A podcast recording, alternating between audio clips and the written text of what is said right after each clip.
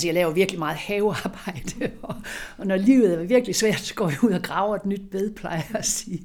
Jeg, jeg har sådan et billede, som barn, der havde sådan en, øh, en trædukke med bly i bunden, og den væltede lidt, men, men den kom altid op igen. Og, og det tror jeg sådan set, altså jeg er da blevet enormt ked af det enormt mange gange, fordi jeg synes, det var virkelig uretfærdigt og så videre. Så gik jeg ud og gravede et nyt bed i haven eller tilsvarende, men så fandt jeg jo, så må du gøre det på den måde i stedet for. Det, har, det har jeg faktisk altid gjort. Nina Smits vej til toppen har ikke altid været nem. I første omgang, der virkede hendes vej mod toppen umulig, alene fordi hun var kvinde. Måske er det derfor, at øh, da jeg besøger Nina Schmidt på hendes gård på Djursland, så er en af de ting, der hurtigt falder i øjnene, antallet af bed i haven. I podcasten Toppen taler kommer du helt tæt på Nina Schmidt, der er professor i økonomi ved Aarhus Universitet.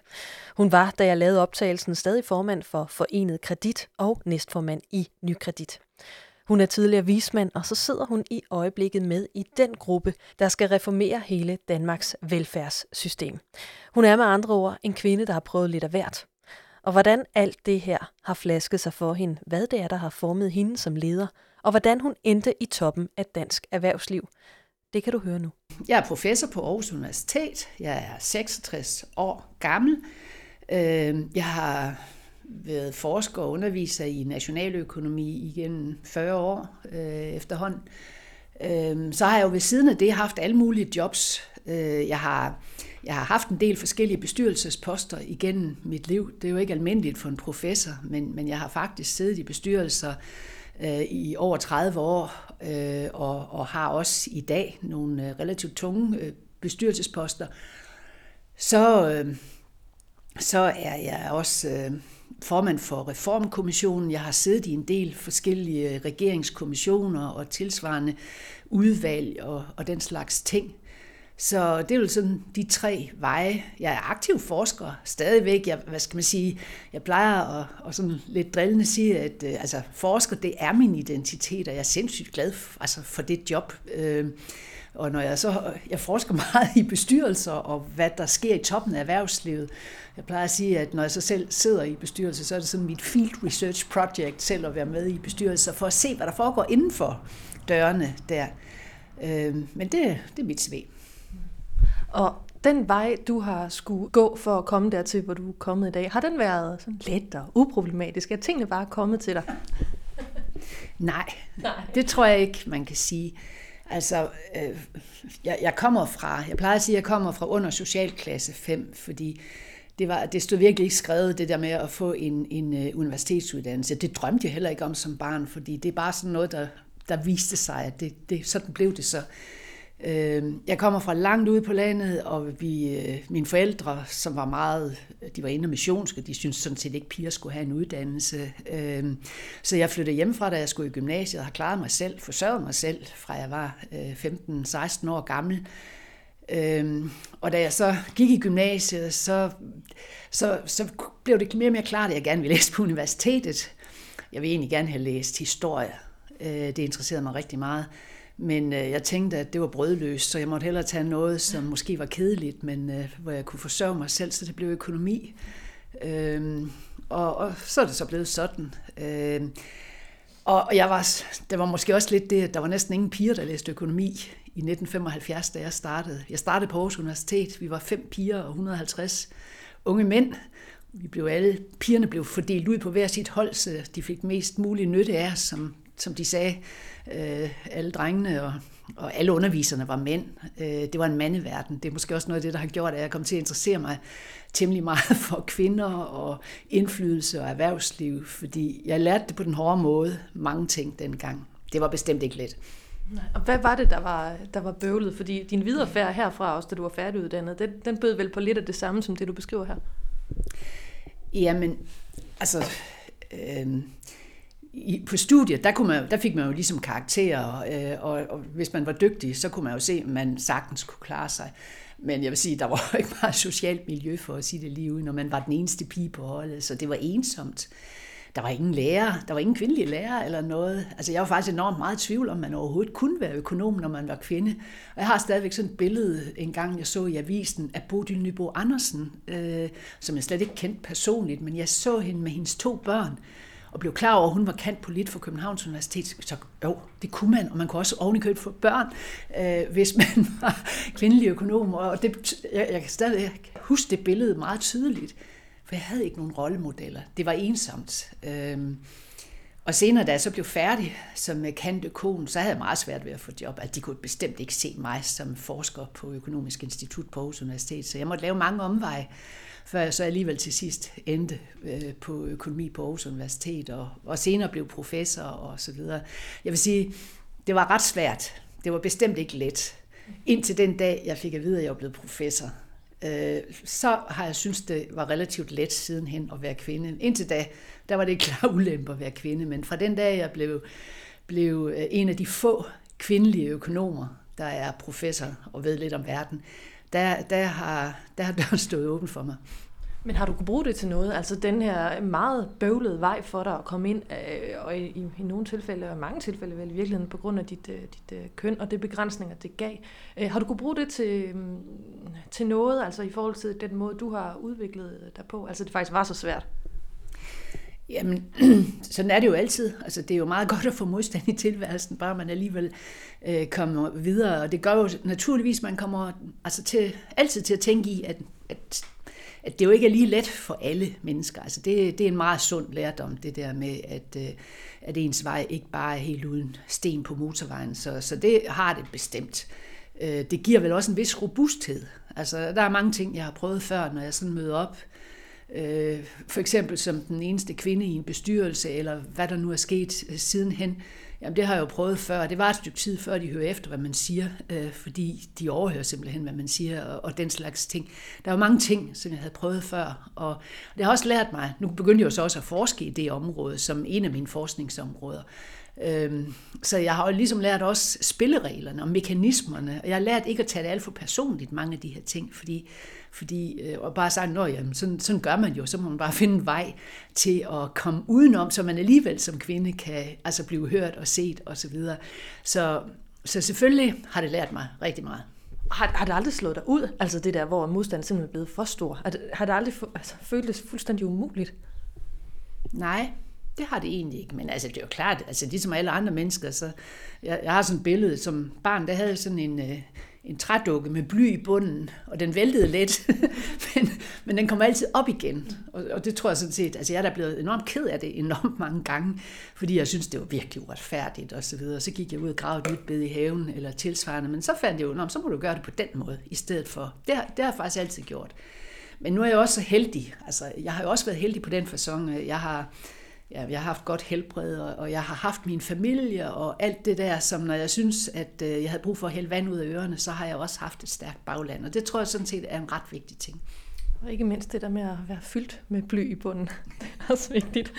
Men hvornår gik det op for dig, at du gerne ville øh, mere end bare altså være i midten af hierarkiet, altså at du også gerne ville op og have sådan en top øh, position? Jamen det har jeg aldrig tænkt over på den måde. Altså jeg har aldrig nogensinde haft en karriereplan eller noget som helst.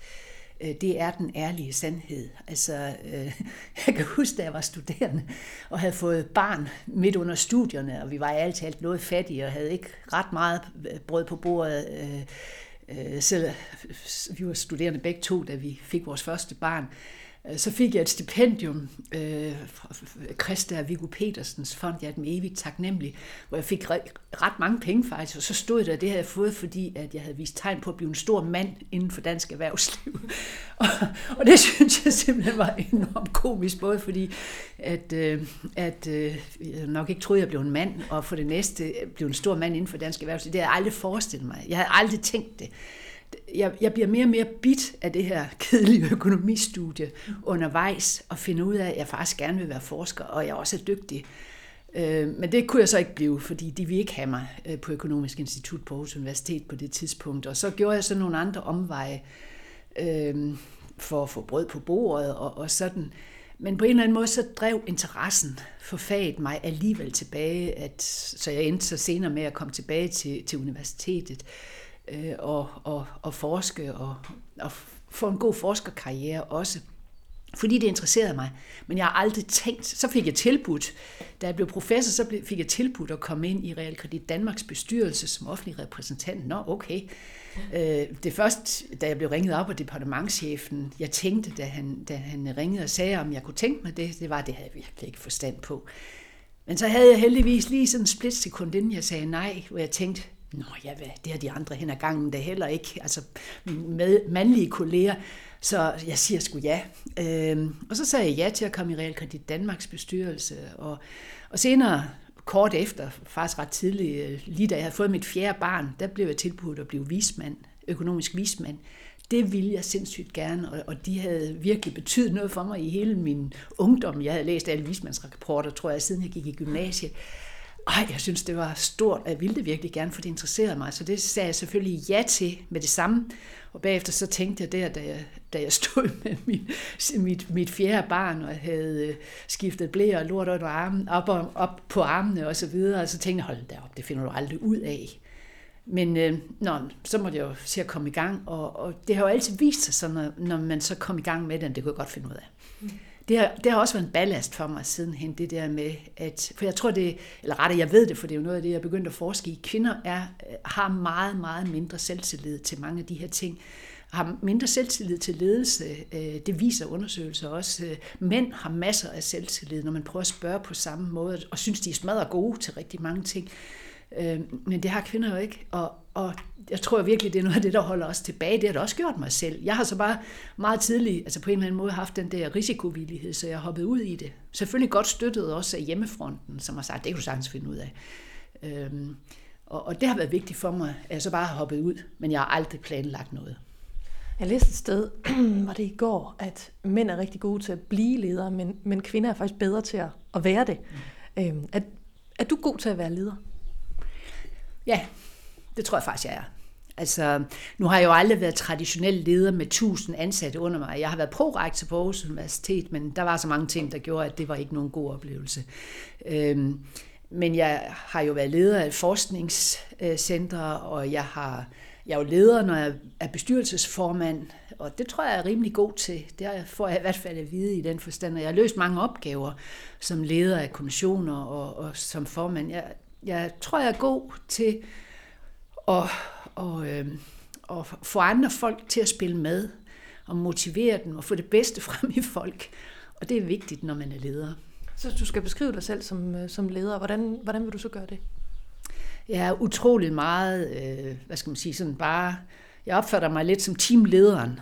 Jeg er den, der skal prøve at holde sammen på tingene, og selvfølgelig have en idé om, hvor vi skal hen af, men også at prøve at få alle på hold til at spille bedst muligt med. Øh, det, det, det, altså, jeg har set, jeg har afluret rigtig mange, når jeg selv har siddet øh, som menig bestyrelsesmedlem, eller selv været en del af noget, hvor jeg er blevet ledet af andre. Og jeg synes, jeg har lært virkelig meget af dårlige ledere. Dem har jeg mødt en del af. Øh, men også af gode ledere. Og, og virkelig sådan prøvet at tænke over, hvordan jeg så kunne bruge det bedst muligt. Og jeg har stjålet med arme og ben fra andre, jeg synes, der var gode til det. Og prøvet at gøre det. Øh, det handler jo rigtig meget om, når man sidder for eksempel i en bestyrelse øh, og skal træffe vanskelige beslutninger. Vi sidder, altså jeg, jeg går meget ind for diversitet og det her forskellige tilgang.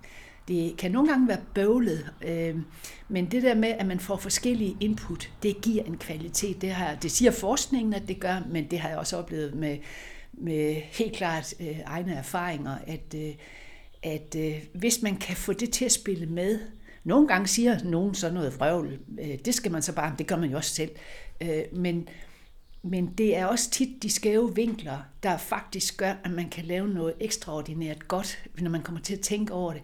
I stedet for, at man bare sidder sådan 10 fuldstændig homogene øh, personer med slips eller mentale slips, som tænker det samme og gør det samme, og, og, og ikke kan se alt muligt andet af det, der kommer til at ske så, så betyder det rigtig meget. Men det kræver så, for at det spiller godt, hvis man har en meget sådan forskelligartet hold med, med, med, med forskelligartede personer, at man kan få dem til at spille sammen og lytte til hinanden og høre det.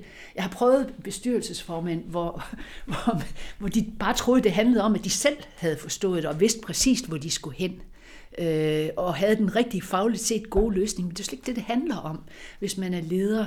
øh, og skal have et hold med sig. Det handler jo om at få hele holdet med, og faktisk måske også nogle gange komme nogle andre steder hen, end det man selv tror, man skulle hen til. Det har jeg jo tit oplevet, at jeg er blevet klogere undervejs også. Øh, og det gælder så med det hold, man har. De, de faktisk er dygtigere end en selv på alle andre poster, og at man så kan, kan, kan styre det og få noget konstruktivt output ud af det. Øh, det synes jeg er vigtigt, og det er det, der er sjovt. Altså.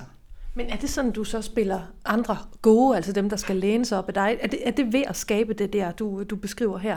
Altså hvor de får øjnene op for hinanden og diversiteten. Er det, er det noget af det vigtigste i forhold til det der med at spille, spille øh, dem, der læner sig op af dig gode? Ja, altså du kan jo godt sige, at det sådan er lidt som at være, være leder på et fodboldhold eller andet. Vi har forskellige roller, men det gælder jo om, at vi alle sammen kommer til at føle, at vi bidrager, og at vi kan se, at vi skal derhen. Øhm, og, og, og det er kunsten. Og, og det er kunsten, hvis nu... Jeg oplever tit, når man starter et nyt sted, en ny kommission, en ny bestyrelse, at der sidder nogen, og så tænker de, at nogle af de andre er åndssvage, eller de siger noget osv. Så, så er kunsten at prøve at få det bedste ud af dem alle sammen. Øh, og selvfølgelig altså, kan det være, at man så nogle gange skal skifte nogen ud, fordi det bare overhovedet ikke kan konvergere. Men i de fleste tilfælde oplever jeg øh, faktisk, at øh, det er det, som er rigtig vigtigt.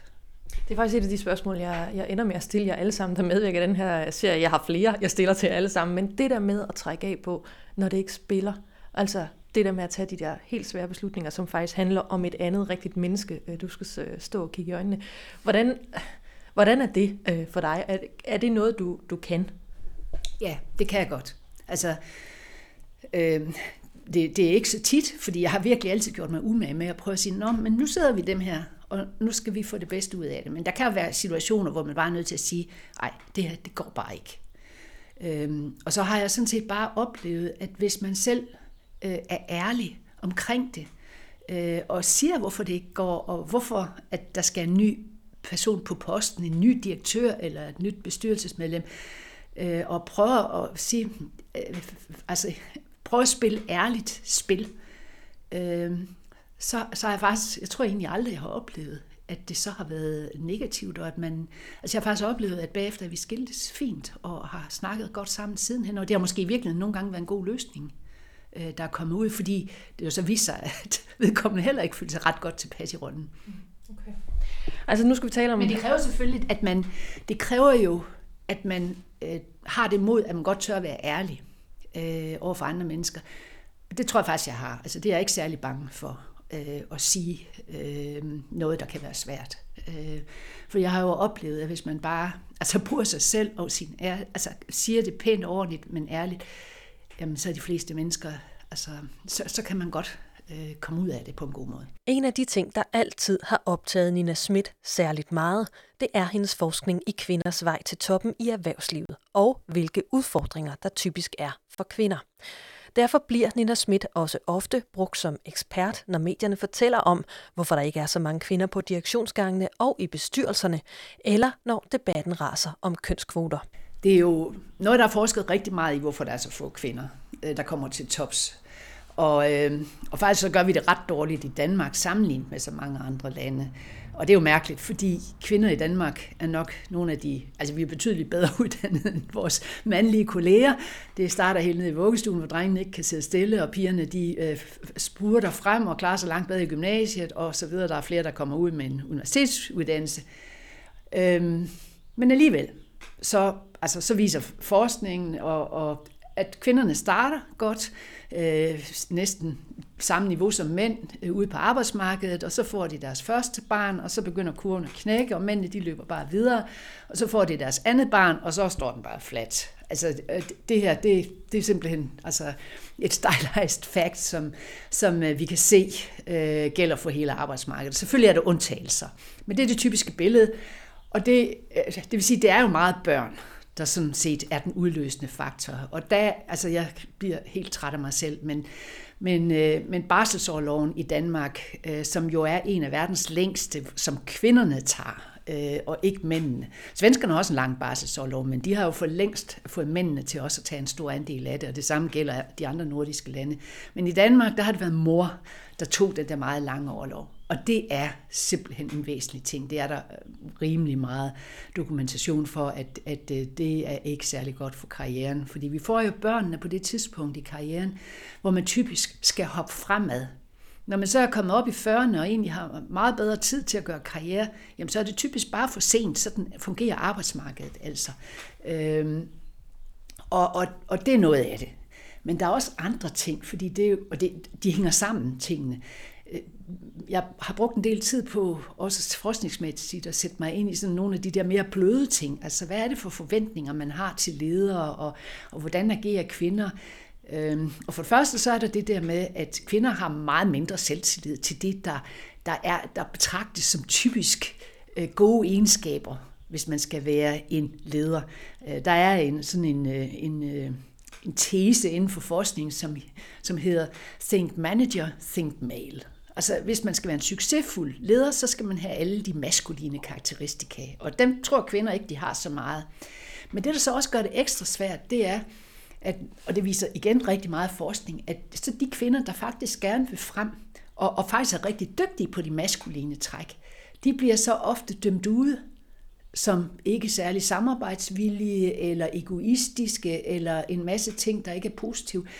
Hvis de gør det, som når mænd gør det, så er det positivt og leder frem til lederstillinger, men hvis kvinder gør det, så ser man negativt på det. Og det, det betyder i praksis, at mange kvinder jo har svært ved at finde benene i forhold til ledelsesrollen. Også at omgivelserne har svært ved at tolerere de kvinder, der faktisk er rigtig dygtige. Det er der rigtig meget forskning om det her. Det er sindssygt interessant. Men hvad skyldes det? At, at øh, hvis du øh, er kvinde-kvinde, så, altså, så, så dur det ikke, men hvis du øh, leger mand, så dur det heller ikke. Nej, det er lige præcis det, der er paradokset. Øh, og det gør jo, at, at det at finde rollen som kvindelig topleder er faktisk ikke særlig let. De kvinder, der så lykkes med det ofte, det er de kvinder, der både forstår at spille på de maskuline øh, parametre, men også forstår at være relativt kvindelig. øh, fordi man, hvis, hvis ikke man også kan de kvindelige ting, så bliver man faktisk ikke respekteret som menneske. Øh, så, så det er nok, altså i virkeligheden så er det min bedste opskrift for at øh, for, for, hvordan man begår sig, hvis man vil sno sig. Det kan man så sige, det er jo ikke særlig fair, at man skal være rigtig god til alle ting. Men, men det tror jeg lidt af vilkårene, eller rettere, det, det, det, det er det, man siger. Øh, og det, altså, for mange kvinder er det måske ikke særlig attraktivt at skulle spille maskulin, fordi det ikke ligger naturligt for en. Øh, man taler om sådan lack of fit-teori, fordi kvinder har ikke lyst til at være på den måde.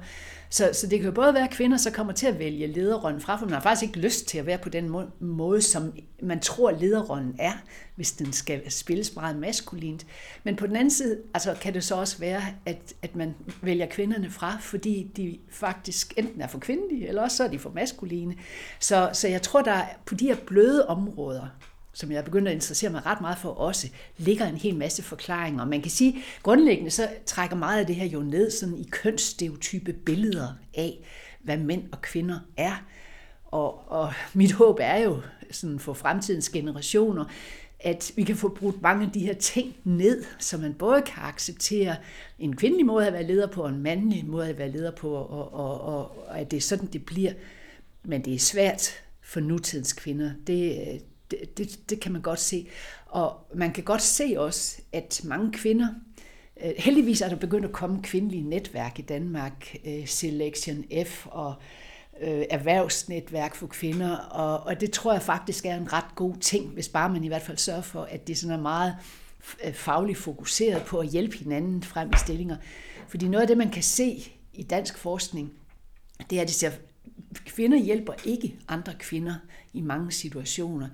Øh, jeg har lige fået en artikel publiceret i et amerikansk tidsskrift, ret glad for at vi har fået, øh, om, om hvordan kvindelige netværk øh, og mandlige netværk, hvad, hvad det betyder for, at man kommer ind i bestyrelser øh, i, i Danmark. Det er registerdata for 20 år, øh, som vi har kigget på. Og det man kan se, det er, at, øh, at mandlige netværk, det hjælper øh, folk ind i bestyrelser. Øh, vi, vi tjekker så for, om det betyder noget at have kvinder i sit netværk. Kvinder i netværket er ikke så gode. men det er faktisk kun for andre kvinder, det ikke betyder så meget. Fordi de hjælper. Det ser ud som om, at det er godt nok for mænd at have kvinder i deres netværk. Og det, det, det er så ikke fordi, det er ikke fordi kvinder er onde, men, men øh, jeg kan sagtens se det, og det er det, der også er forklaringen i forskningen, at kvinder, hvis man er en minoritet, så er man bange for faktisk at foreslå andre kvinder, for det er simpelthen for risikabelt at foreslå en anden kvinde, hvis nu, øh, hvis nu hun så ikke performer og er succesfuld.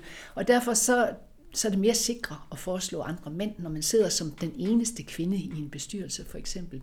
Så det er ikke fordi, at vi kvinder også faktisk er lidt forudindtaget, altså i forhold til det her med, hvad den naturlige leder er, om det er, en, om det er øh, mest rigtigt at være mand eller kvinde. Det er ikke det. Det er mere fordi, det faktisk ikke kan betale sig at anbefale kvinder. Ja, det er for risikabelt, sådan vil jeg hellere sige det.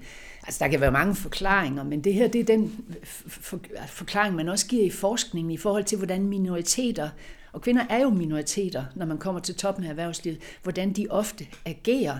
Og der tror jeg jo lige præcis, det er den gode historie, at det at få de der bevidsthed om det, kvindelige netværk, hvor man hjælper hinanden og er meget bevidste om at i talesætte det, det tror jeg sådan set er en rigtig god udvikling, der er kommet herinde for de sidste 5-10 år. Men man hører jo tit argumentet, at kvinderne heller ikke selv har lyst. Er det det, du er stødt på i din forskning, at det også handler om, at, at det er faktisk ikke der, de egentlig vil hen?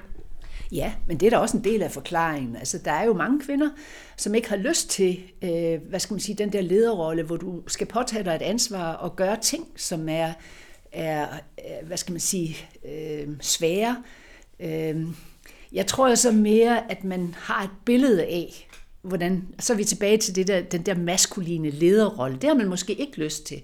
Jeg tror sådan set, altså jeg nægter at tro på, at at kvinder ikke gerne ville til tops og være ledere, få en god løn og få mulighederne for at have indflydelse og have fleksibelt, et mere fleksibelt liv osv. Altså hvis man nu vidste, hvad det indebar, og man også havde et bredere syn på, hvad en lederrolle var, så, så tror jeg nu altså grundlæggende, at vi gerne ville øh, til tops. Men sådan som det er og se ud for mange kvinder, så tror jeg selvfølgelig også på, at det er rigtigt, de vælger det fra.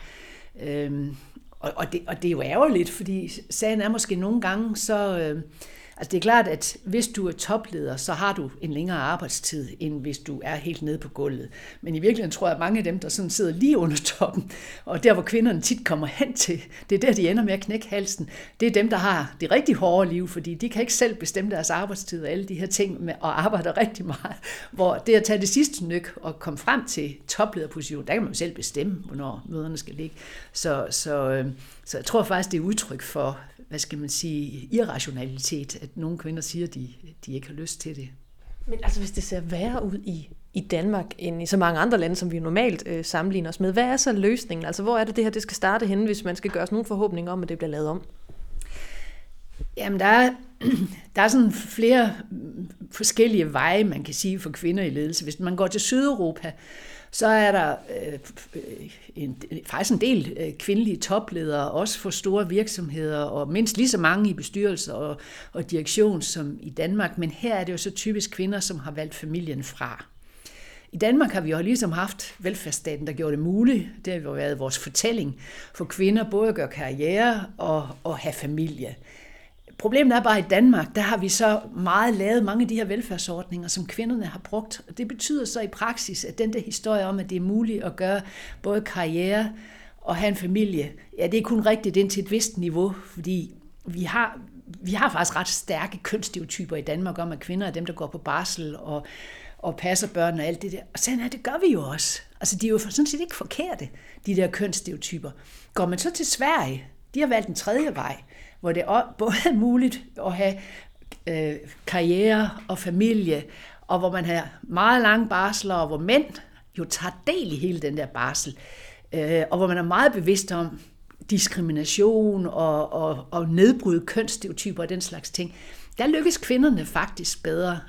Og jeg synes normalt er jeg ikke sådan en stor fan af Sverige på mange punkter, men, men her kan svenskerne altså noget. Øh, og de lykkes også med at få en større del af talentmassen frem øh, blandt kvinderne. Øh, I det her år bliver det faktisk rigtig synligt. Jeg, jeg synes, svenskerne er værd at kigge på.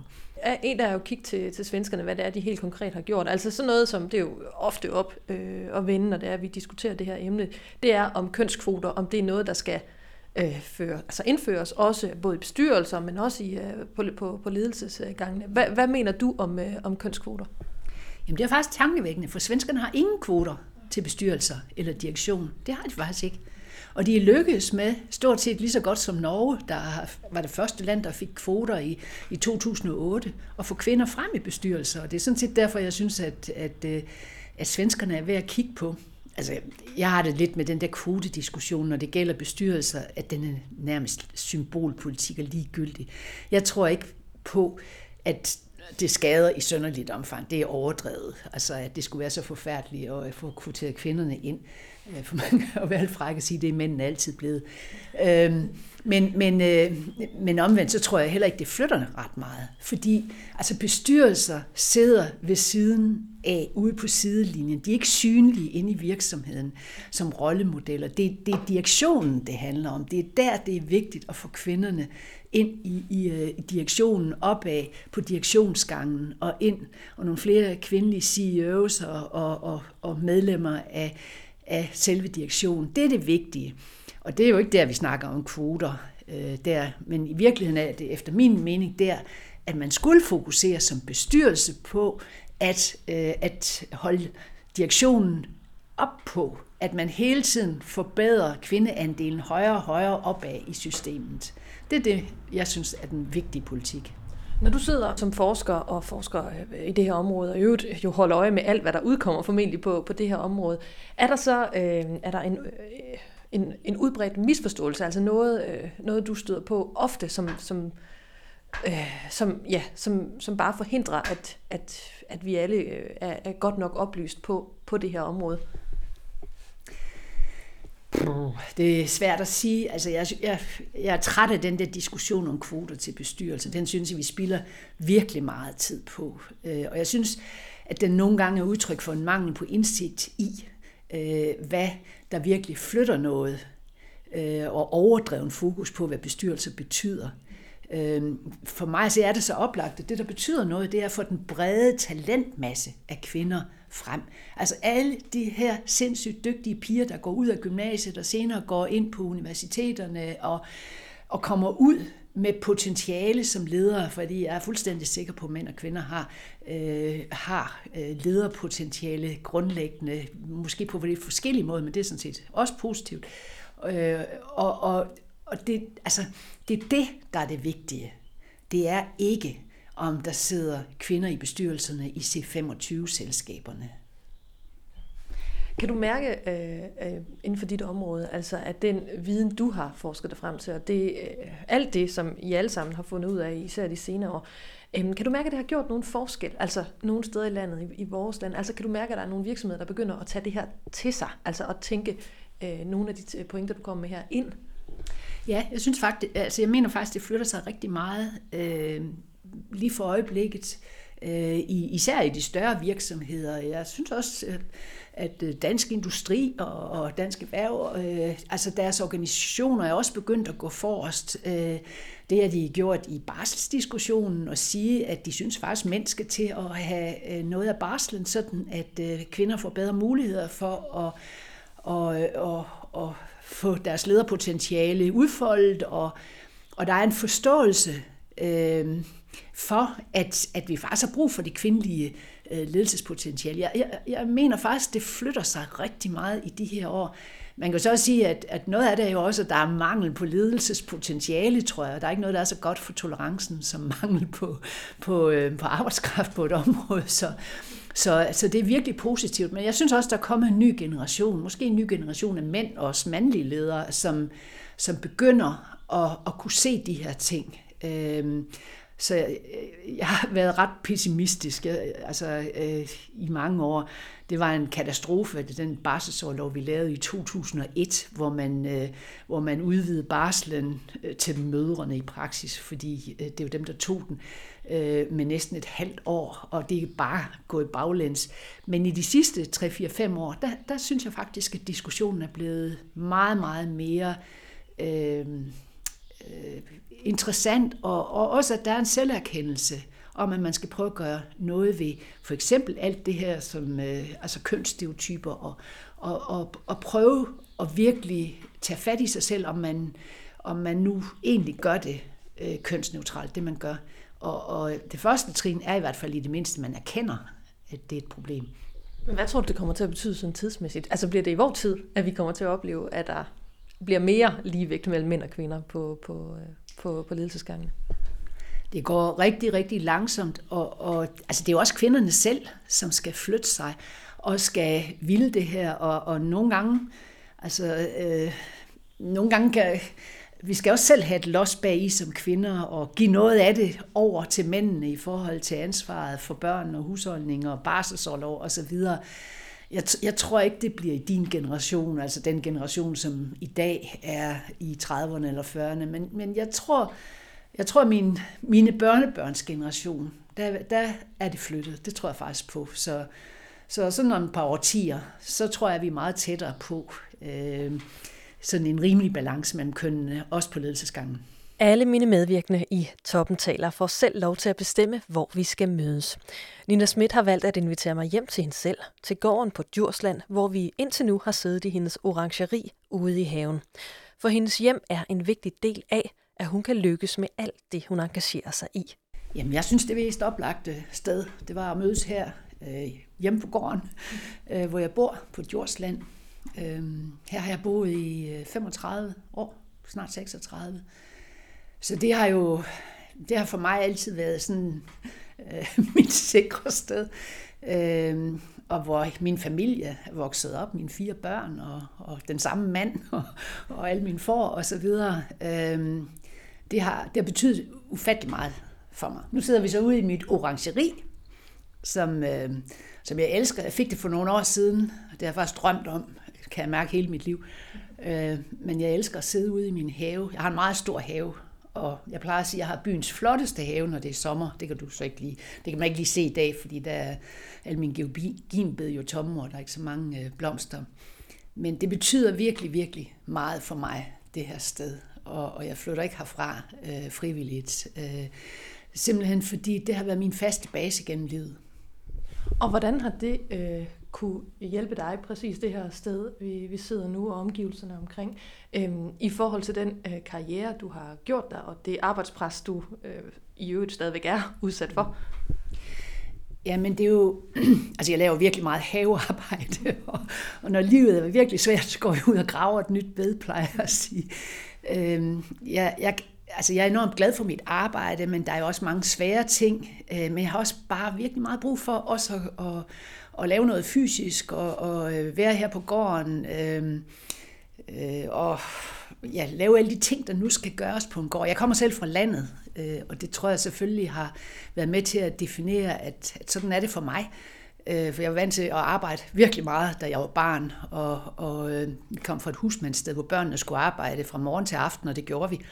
Øhm, men det har også været en god ballast, og, og det har hjulpet mig. Jeg tror sådan set, det har hjulpet mig til øh, ikke at gå ned med stress eller, eller andre øh, grimme ting, når det var allersværest. Øh, fordi det giver sådan en god afveksling. Og der er nogle ting, man også skal gøre her. Altså, forne skal jo fodres, og, og haven skal passes. Der er noget, man skal, så man ikke altid sidder og arbejder op ved skrivebordet. Vi går en tur rundt i naturen, som omkranser Nina Smits hjem.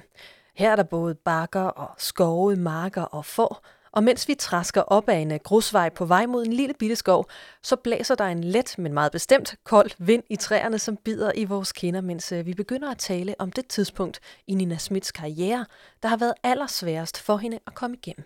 Jeg vil sige, det der jo har fyldt mest i mit liv, og som har været det allersværeste, som jeg har været udsat for, det var det, var det der skete, da jeg, da, da jeg, jeg sad i bestyrelsen i Nykredit i mange år, som menigt medlem. Jeg var næstformand i foreningen.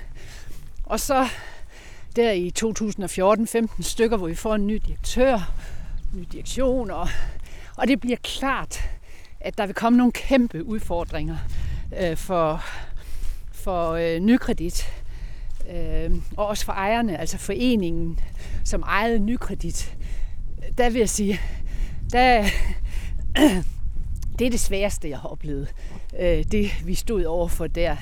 Og øh, vi må træffe nogle meget svære forretningsmæssige beslutninger, hvor vi på et tidspunkt ikke havde andre veje end at blive børsnoteret.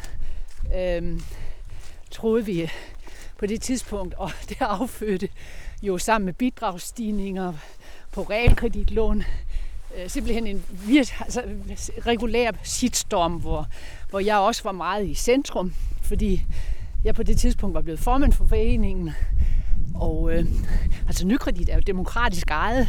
Det øverste organ, det bliver valgt. Øh, øh, hvert år er der valg til repræsentantskabet, som er det øverste organ for Nykredit.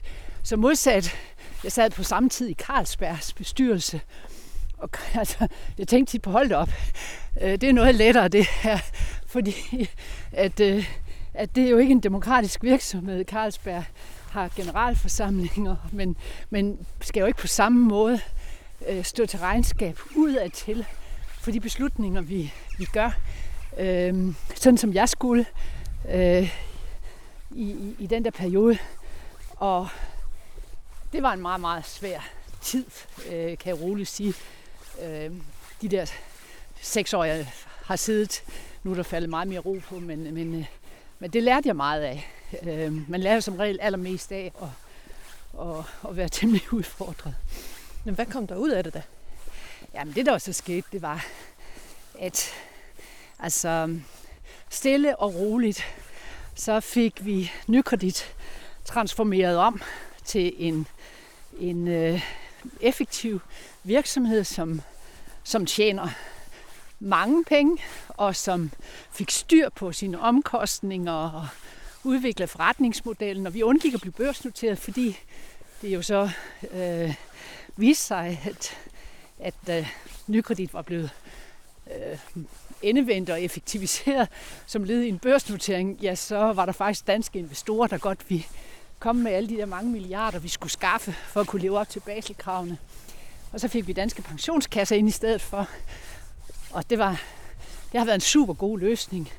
Samtidig så fik vi også bygget en, et, øh, et, et øh, foren. Altså, der var slet ikke nogen organisation omkring foreningen. Jeg var den eneste. Øh, jeg gik fuldstændig alene der midt i shitstormen. Der var ikke nogen ansat i foreningen. Jeg havde ikke noget sekretariat eller noget som helst. Jeg havde ikke nogen at snakke med. Øh, indtil jeg fik bygget sekretariat op, fik ansat en direktør for foreningen og, og, øh, og fik professionaliseret alt det der. Det var meget, meget ensomt, kan jeg godt afsløre, for jeg havde faktisk ikke rigtig nogen at snakke med om det. Men når I stod der øh, i den bestyrelse og skulle lede nykredit igennem øh, noget, der var så, så svært, den nemmeste opgave i den situation, hvor I vil Nej, det har du egentlig ret i. Det har jeg faktisk ikke tænkt på på den måde. Men det er måske også derfor, jeg sådan opfatter det som noget af det sværeste, jeg har haft fat i. Fordi, altså det var sådan, at jeg var formand for foreningen. Og det var, det var jo ejerne. Så var der selvfølgelig en koncernbestyrelse, og der var jeg næstformand. Men de havde jo andre interesser, og der var en direktion, som kunne have andre interesser. Der var, der var nogen, eller der var en meget stor gruppe, som var var modstandere af bidragsforholdelserne og ikke kunne forstå, hvorfor de skulle være der og så videre. Altså, der var forskellige interesser, og den interesse, jeg ligesom skulle forvalte, det var ejerens interesser. Og der var der på det tidspunkt faktisk ikke rigtig nogen organisation omkring det. Øhm, og der var heller ikke en selvstændig bestyrelse. Det får vi først senere. Så på den måde, øhm, ja, så var jeg faktisk ret alene. Det er nok nu, nu du siger det, noget af det, der gjorde, jeg synes, det var rigtig svært. Men den måde, du kom igennem det på, den måde, du valgte at håndtere det hele på, altså hvad var det, der blev afgørende for, at det var lige præcis sådan, her, du gjorde det? Eller var det bare sådan, det blev med hiv og sving? Jamen, altså, jeg vil sige, vi, vi, vi, øh, vi prøvede jo hele tiden bare at gøre det, vi kunne se, der var det bedst mulige givet situationen, og stille og roligt udvikler situationen sig, så pludselig på et tidspunkt, så bliver vi klar over, at øh, der er nogle pensionskasser, som faktisk er blevet interesseret. Og så begynder vi at undersøge de muligheder, og så er det det, vi går efter. Og, og så på den måde, så er det jo ikke sådan, at der var en, øh, en plan for, at det skulle ende på den her måde. Sådan kom det bare til at ende. Øhm, og, og på samme måde fik bygget et sekretariat op, som gjorde, at vi fik styr på den måde, vi, vi holdt valg på, og den der kritik, der var, øh, at folk ikke kendte til foreningen og kunne deltage osv. Jamen, det fik vi bygget op. Så altså, det var jo ikke sådan, at jeg, faktisk, da jeg sagde ja til at være formand for foreningen, så havde jeg aldrig nogensinde overvejet, øh, hvad det indebar. Øh, og det var der heller ikke nogen andre, der vidste, for indtil da havde det været et meget stille job. Men, men sådan blev det bare, ja. Så der var ikke nogen plan igen øh, øh, for, hvor det skulle ende.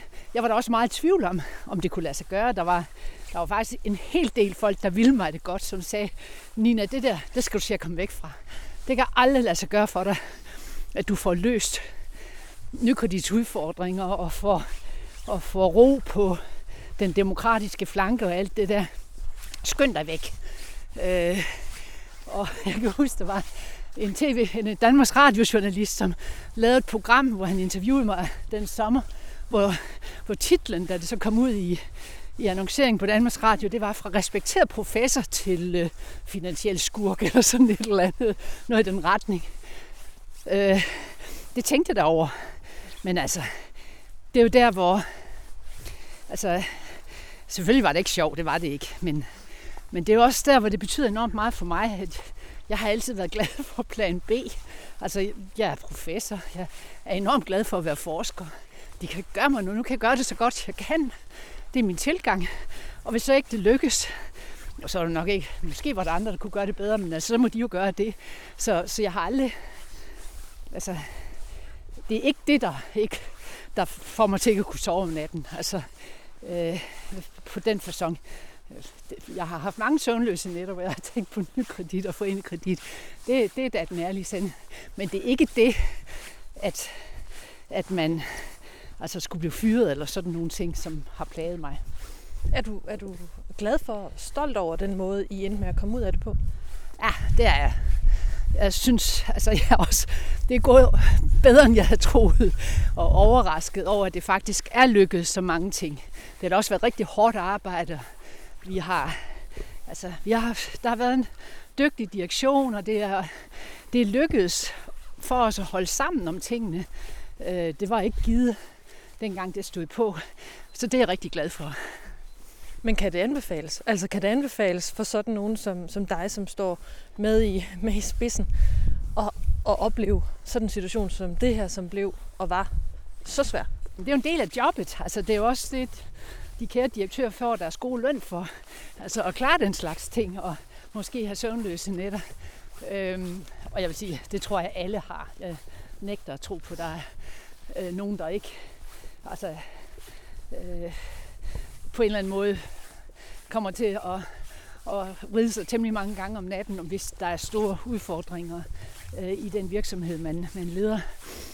Øh, sådan, sådan er livet jo. Men men det er der jo også, altså det er jo en fantastisk tilfredsstillelse, når man så kommer igennem det, og på en eller anden måde siger, yes, det lykkedes sgu. Så når du tænker tilbage på tiden øh, i dag, så er det ikke kun altså for, hvor svært det var? Nej, da, og, og undervejs, øh, altså der blev det jo også, altså der, vi fik jo stille og roligt bygget, bygget en organisation op, og der, er, der kom et hold, som jeg altså, skylder enormt meget Altså, vi har jo gjort det i fællesskab. Det er jo, det er jo sådan, det er. Jeg har også i dag en, en rigtig god bestyrelse i koncernen og godt samarbejde med direktionen og så videre. Så, så der er jo rigtig mange, der har trukket, og det er, da, altså, det er sådan noget, der er sjovt, når det lykkes. Men når du kigger tilbage, ikke kun på den her episode, vi taler om lige nu, men måske lidt mere øh, generelt, er der så noget, du fortryder? Altså hvis du kunne få lov til at gøre det anderledes, vil du så gøre det? Altså det er et rigtig svært spørgsmål. Og, og sagen er, at jeg har ikke noget, der står og blinker, at det skulle jeg have gjort anderledes øh, øh, overhovedet. Øh, jeg er nok også enormt god til bare at efterrationalisere og sige, at det gjorde man så. Og så fik man det ud af det. Altså det er sådan lidt den måde, jeg tænker på. Så jeg har faktisk ikke noget, altså jeg fortryder på den façon. Jo, selvfølgelig. Altså jeg kan godt se i dag, at for eksempel i forhold til nykredit og foreningen og al den uro, vi fik, øh, der var der rigtig mange ting, vi burde have gjort meget tidligere. Øh, det kan jeg godt se. Men det, altså, det var så bare ikke, jeg ved ikke, det, det var ikke noget, jeg kunne have ændret på, på den façon. Det kunne jeg først dengang, der blev en brændende platform for det. Så det er ikke noget, jeg personligt fortryder, men jeg kan sagtens se, at der var en hel masse ting, der burde have været gjort anderledes.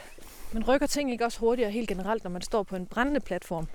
Jo, det skaber da en, erkendelse og en, øh, en evne til at handle, som er vigtig.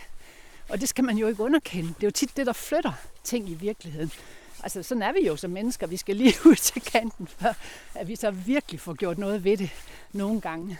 Podcasten her er optaget i ugerne op til, at Nina Schmidt meddelte, at hun træder tilbage som formand for Forenet Kredit, der er hovedejer af Nykredit og som næstformand i Nykredit. Den tilbagetrækning nævnte hun jo af gode grunde ikke noget om, da vi talte sammen.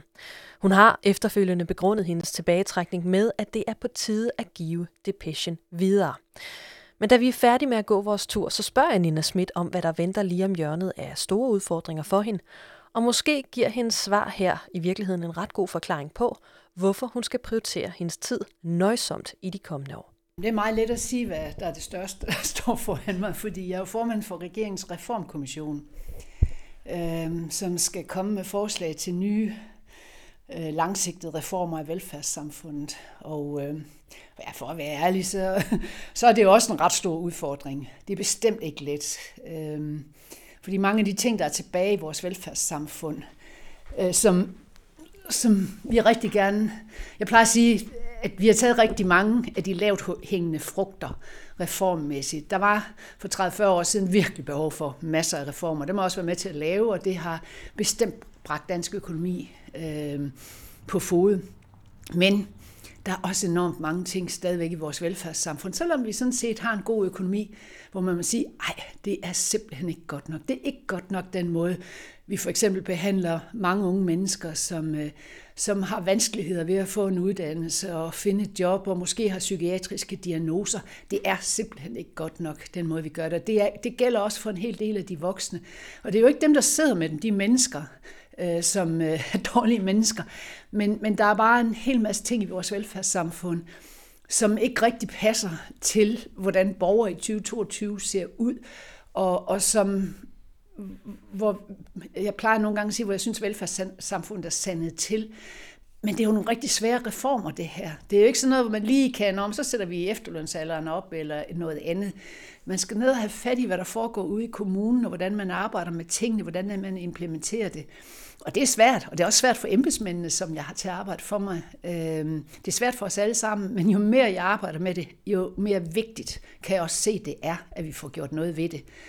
Øhm, så, så det bruger jeg rigtig meget tid på. Og det er naturligt det, der kommer til at fylde de næste de næste mange år? Altså, hvordan er... Ej, ej Reformkommissionen skal komme med vores forslag i øh, løbet af 2022, så jeg tænker, at det bliver det næste år, øh, at, øh, at jeg virkelig kommer til at arbejde med det. Men når du kigger på de her reformer, som du har været med til at, at, øh, at, at lave alt arbejdet for, at de, øh, de, de opstår, altså hvordan er det at have været med til at sætte så mange aftryk på ja, det danske velfærdssamfund? Ja, det er rigtigt. Altså, jeg, jeg er faktisk glad for meget af det, jeg har lavet. Altså, man kunne jo være sådan en professor, som øh, altid bare publicerede i fine internationale tidsskrifter, og jeg kunne sikkert have fået lavet flere af den slags, hvis jeg, hvis jeg kun havde gjort det. Men for mig har det altid været en meget, meget vigtig ting, at, øh, at der også skulle bruges noget i praksis, det jeg gjorde. Og jeg ville rigtig gerne være med til at, at prøve at gøre en forskel og bruge min viden. Altså jeg selv... Øh, jeg, jeg, øh, jeg blev smidt ud hjemmefra som 15 år. jeg har klaret mig selv. Jeg, jeg var den første årgang, der fik SU, øh, da jeg kom i gymnasiet, og jeg synes, det var helt fantastisk.